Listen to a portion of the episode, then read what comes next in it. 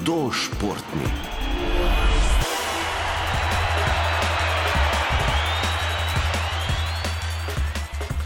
Pohodništvo je eden izmed športov, s katerimi se lahko začnemo najlažje ukvarjati. Vstopni koraki niso težki in prav tako za odhod na turo, kot v žargonu rečemo planinskemu pohodu, ne potrebujemo posebne opreme. Dovolj sta že primerna obutev in nahrbnik, v katerega zložimo stvari. Kljub temu, da imate v bližini doma zagotovo hrib, na katerega ste se brez večjih priprav že odpravili, se je določenih pravil treba držati, poudarja izredni profesor dr. Tadej Debevec z Fakultete za šport Univerze v Ljubljani. Vsekakor je prvo pravilo pohodništva, ki ga jaz mislim, da je mogoče najbolj upoštevati, je neko stopnjevanje ali pa postopnost. To pomeni, pohodništvo samo po sebi zelo prijetna dejavnost, dokler je nekje v okviru naših zmožnosti. Kljub temu, da pri pohodništvu gre za eno od uh, zelo elementarnih gibanj, kot je hoja, ne se marsikomu zdi to zelo enostavno, je zato, da bo ta dejavnost naša prijetna, je zelo fino, da smo dobro pripravljeni. In ta dobra priprava se seveda navezuje tudi na to, kakšne cilje si bomo zbrali. In mogoče zdaj po tem obdobju karantene in pandemije in vseh teh stvari, kjer smo bili mogoče tudi malo bolj omejeni, zaprti, smo se malo manj gibali zunaj, je ta vidik še toliko bolj pomemben, tako da v bistvu poskušamo nekako stopnjevati to pohodništvo in seveda prilagoditi to glede na naše sposobnosti in na naše izkušnje in znanja. Seveda smo zelo, zelo različni, nekateri zelo veliko to počnemo, nekateri manj. Je pa to vsekakor dejavnost, ki je priporočljiva in jo lahko izvaja marsikdo, upreme za vsaj za neko tako osnovno pohodništvo, ne rabimo to zelo veliko in je tako rekoč vsakemu na voljo. Glede na vse pozitivne učinke, ki jih ta ima, je vsekakor zelo uh, lep način preživljanja časa v naravi. Torej, nikakor ni smiselno, ko omenjate to postopnost, trikrat oditi na ta bližnji hrib, potem pa že kar na tri glav. To je lahko tudi zelo nevarno, pravzaprav. No, vsekakor je potrebno razlikovati neko pohodništvo na recimo mestnih gričih, v nekih urbanih gozdovih ali pa bližnjih hribih, lahko to rečemo, od nekega pohodništva v Visokogorju, ki od nas zahteva bistveno več tako znanja kot uh, fizične pripravljenosti, kot tudi znanja uporabe opreme, zato da zagotovimo, da je to varno. Težje oziroma kompleksnejše kot po naš izlet, bolj mogoče več stvari od nas zahteva nam pa seveda tudi več da, tako da je smiselno tudi k temu stremeti. Postopno sem pa predvsem mislil v tem smislu, da mi nekako, če je prvi izlet, ne vem, je recimo eno urco, potem dve urci in tako naprej, tako stopnjujemo, kot pa neke silne preskoke delati, vsekakor ni, ni smiselno. Predvsem z tega, ker nam to ne bo prijetno, utrujeni bomo, mogoče ne bomo dosegli cilja, ki si ga zadamo, in tako naprej. Mnogi med vami ste prve planinske korake opravili s svojimi starši, a če vaši starši ne zahajajo radi v hribe, obstajajo tudi druge možnosti. Lahko se včlanite v lokalno planinsko društvo ali začnete obiskovati planinski krožek na šoli. Kot pravi Tadej Debevec, imamo v Sloveniji sistem planinskega izobraževanja zelo dobro razvit osnovni pa srednji šoli imamo tako imenovano planinsko šolo, ki bi lahko rekli tako ABC planinstva, kjer se učenci, dijaki naučijo vsega od priprave na turo, katero opremo potrebujemo, kako se gibljemo na terenu, orientacija, potem kako se gibljemo v zahtevnejšem terenu, naprimer, kot smo že prej omenjali, v Visokogorju, potem kako ukrepamo, če se karkoli zgodi, osnove prve pomoči in tako naprej, in tako naprej psihologije. In tako da so vse te nekakšne vsebine, ker gre za dejavnost v naravi, ne mogoče včasih se nam zdi, da je to krasen vidik, ta narava in tako mogoče tako, na drugi strani pa tudi dosti bolj nepredvidljivo. Če mi izvajamo neko vadbo v športni dvorani, imamo lepo kontrolirano okolje, tako naprej, nimamo zunanjih vplivov, vremena, nekih nepredvidljivih zadev. Vemo tudi, da gore so ne samo vremensko nepredvidljive, tudi poti se spreminjajo, pride do kakšnih, ne vem, jeklenice so poškodovane in tako naprej. Tako da je ta zunanji vidik super. Po drugi strani pa prinaša nekaj negotovosti v to dejavnost, ki jih je pa seveda treba upoštevati, in če se za to ustrezno izobrazimo, potem ni nobenih težav. Hudo športni. Na pohod se moramo dobro pripraviti že doma, ali kot pravi sogovornik, dobra priprava prinaša vsaj pol uspeha. Teoretično to delimo na neko fizično, tehnično in psihično pripravo, ampak v grobem gre za to, da mi, glede na svoje znanja in sposobnosti, razmislimo, katerega cilja bi se zdaj lotili, da smo za njega ustrezno fizično in tehnično pripravljeni. Potem je en glavnih vidikov, je ocena, kakšne so vremenske razmere in pa terenske razmere. Naprimer, letos je še posebej pomembno v Visokogorju botra zima še lepo opleta z repom. Tako da je zelo pomembno za nas, če hočemo iti na nek prijeten poletni pohodniški izlet, da vemo, da tam ni nekega snega, ki je lahko v zgodni poletni sezoni zelo problematičen z vidika zdrsov, sneg rata trd, nimamo ustrezne opreme in je to lahko problematično. Vreme, kot sem že prej omenil, zelo pomemben vidik z vidika priprave na turo.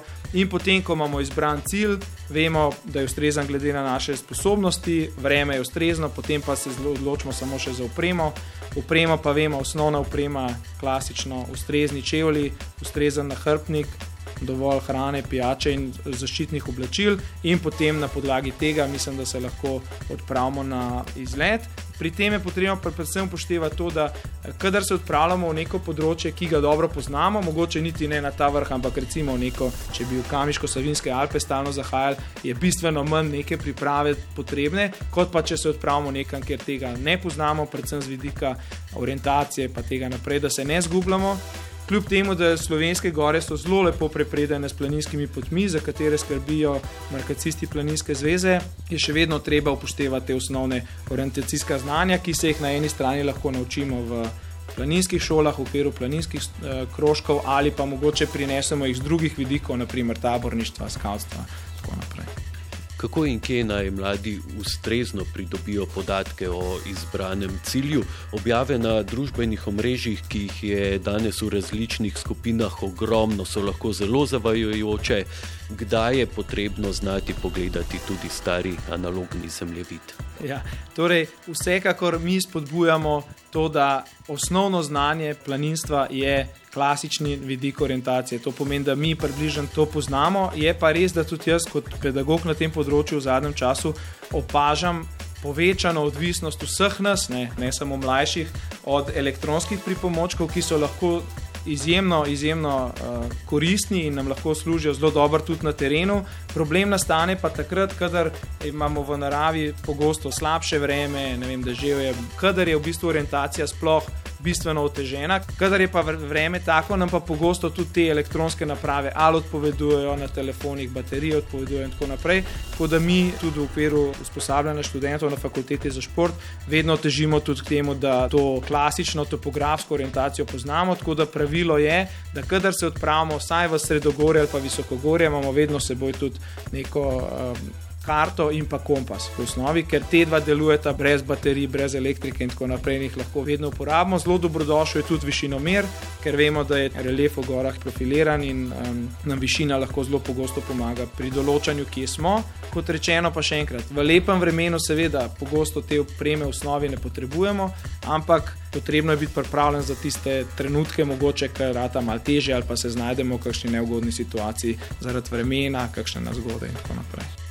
Kakšna je torej primerna oprema za vse, ki se že spogledujete z visokogorjem? Zelo priljubljen je naprimer uspon na 2050 metrov visoki viševnik, ki se nahaja nad pokljuko.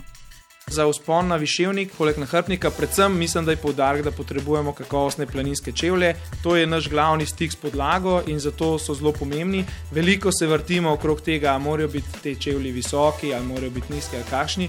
Osebno jaz eh, se vedno bolj nagibam k mnenju, da je najbolj pomembno, da imajo kakovosten podplat, da so dovolj nekako trdni, ne, da niso preveč mehki, ker nas to utruja, ampak z dobrim podplatom, nekdo, naprimer, ki je navaden za hojo z nizkimi čevlji, mislim, da je to ustrezno razen, kadar gre za posameznike z vem, kroničnimi težavami, gležnjo in tako naprej. Ampak to pri mladi populaciji ni problem. Tako da jaz mislim, da je tisto, kar smo navajeni, eh, je, je dober, mora biti pa res kakovosten podplat.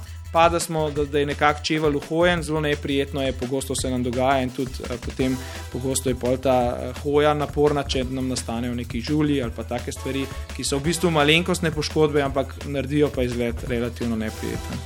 Hudo športni z opremo ne smemo pretiravati in jo moramo prilagoditi izletu, na kakršnega se odpravljamo. Če je izlet tehnično težji, daljši, imamo malenkost več opreme, pogosto ljudje vzamejo preveč opreme s seboj, ne, pa potem ne, je nahrbnik je težek, nabere se in so potem utrujeni. Kar je zelo pomembno, je to, da imamo vedno ustrezna oblačila, glede na temperaturo, pričakovano vreme. Potem je zelo pomembno, da imamo s sabo neko komunikacijsko urodje, ponavadi je to nek telefon potem orientacijski pripomočki, hrana in pijača, še posebej pijača, zelo pomembna. Zelo pomembna stvar je tudi, da imamo vedno vsaj neko osnovno prvo pomoč. Pri planincih velja, da imamo seboj tudi tako imenovano železno rezervo, to je neka bolj visokoenergetska hrana ali pa ploščica ali pa tako naprej, da nekdo, če mogoče pomaga, da mu s tem lahko pomagamo. In pa predvsem se mi zdi to pomembno. No. Za nek enodnevni izlet je na večji nahrbnik kot nekih 20 litrov, ni nobene potrebe in res pogosto srečujemo na terenu ljudi, ker nosijo bistveno preveč. To ni smiselno, noben ekstrem mogoče ni dober, no, premalo niti preveč. Planinske poti se med seboj razlikujejo po težavnosti, zato je zelo pomembno, da veste, kako je ocenjena tista, ki vodi na vaš izbrani cilj. Od tega je odvisno tudi, koliko časa boste potrebovali do cilja, torej časovna komponenta, ki jo pri pohodništvu vsekakor morate upoštevati. V osnovi velja, da naj bi v eni uri planinec s povprečnim tempom naredil 300 višinskih metrov. Trenutno imamo klasifikacijo na tri nivoje, to pomeni lahke poti, zahtevne poti in zelo zahtevne poti. Zdaj, lahke poti so take, te najbolj klasične po sredogorju, zahtevne poti so tiste, kjer je za napredovanje že potrebna mogoče bolj uporaba rok in tako naprej, ni pa še potrebno imeti te varovalne opreme, oziroma ni potrebna taka stvar. Pogosto na kakšnih zavarovanih poteh je že, po mojem mnenju, zelo dobro imeti čelado, uh, tudi če jo uporabimo sam tam, zato da se zaščitimo, vemo, da je glava zelo pomembna. Na zelo zahtevnih poteh, to so pa poti, ki potekajo v nekih izpostavljenih, večinoma skalnatih terenih, kjer je za napredovanje so že pripravljene skobe, klini, jeklenice za varovanje in tako naprej. Po označenih planinskih poteh vas bodo vodile oznake. Najbolj osnovna, ki jo zagotovo vsi poznate, je Knafelčeva markacija, bela pika z rdečim kolobarjem. Pot pa kažejo tudi ostale oznake. Vse uradno trasirane planinske poti v Sloveniji so označene z knafačevimi markacijami, in tukaj je res treba pohvaliti delo markacistov, ki v večini primerov res izvrstno skrbijo za označenost poti, tako da sama orientacija res ni problematična. Zelo koristni so tudi so tako imenovane smerne table, na katerih dobimo podatke na neki točki, na kateri višini se nahajamo, koliko časa rabimo do naslednje točke pa recimo do nekega vrha, kdo vzdržuje pot, in pa zelo pomembno, se nanaša na prejšnjo vprašanje, kako zahtevna je pot, po kateri se e, podajamo. Kadar ni nobene označbe, pomeni, da je pot lahka.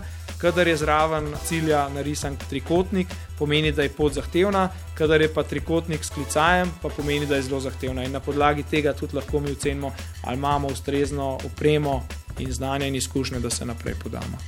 Naj na koncu omenimo še to, da se na planinske poti, ne glede na zahtevnost, ne odpravljajte sami. V družbi članov družine, prijateljev ali vsaj še enega planinca bo pohod ne le bolj družaben, temveč tudi bolj varen. Pomembno je tudi, da se, če ne gre vse po načrtih, obrnete nazaj in ne ustrajate za vsako ceno pri osvojitvi cilja. Nikar ne izzivajte nesreče, gora vas bo počakala. Ker ste zagotovo letos že osvojili katerega izmed nižjih hribov, nam na našem Facebookovem ali Instagramovem profilu pokažite fotografijo svojega podviga in seveda tudi v naslednjem tednu ostanite. Hudo športni.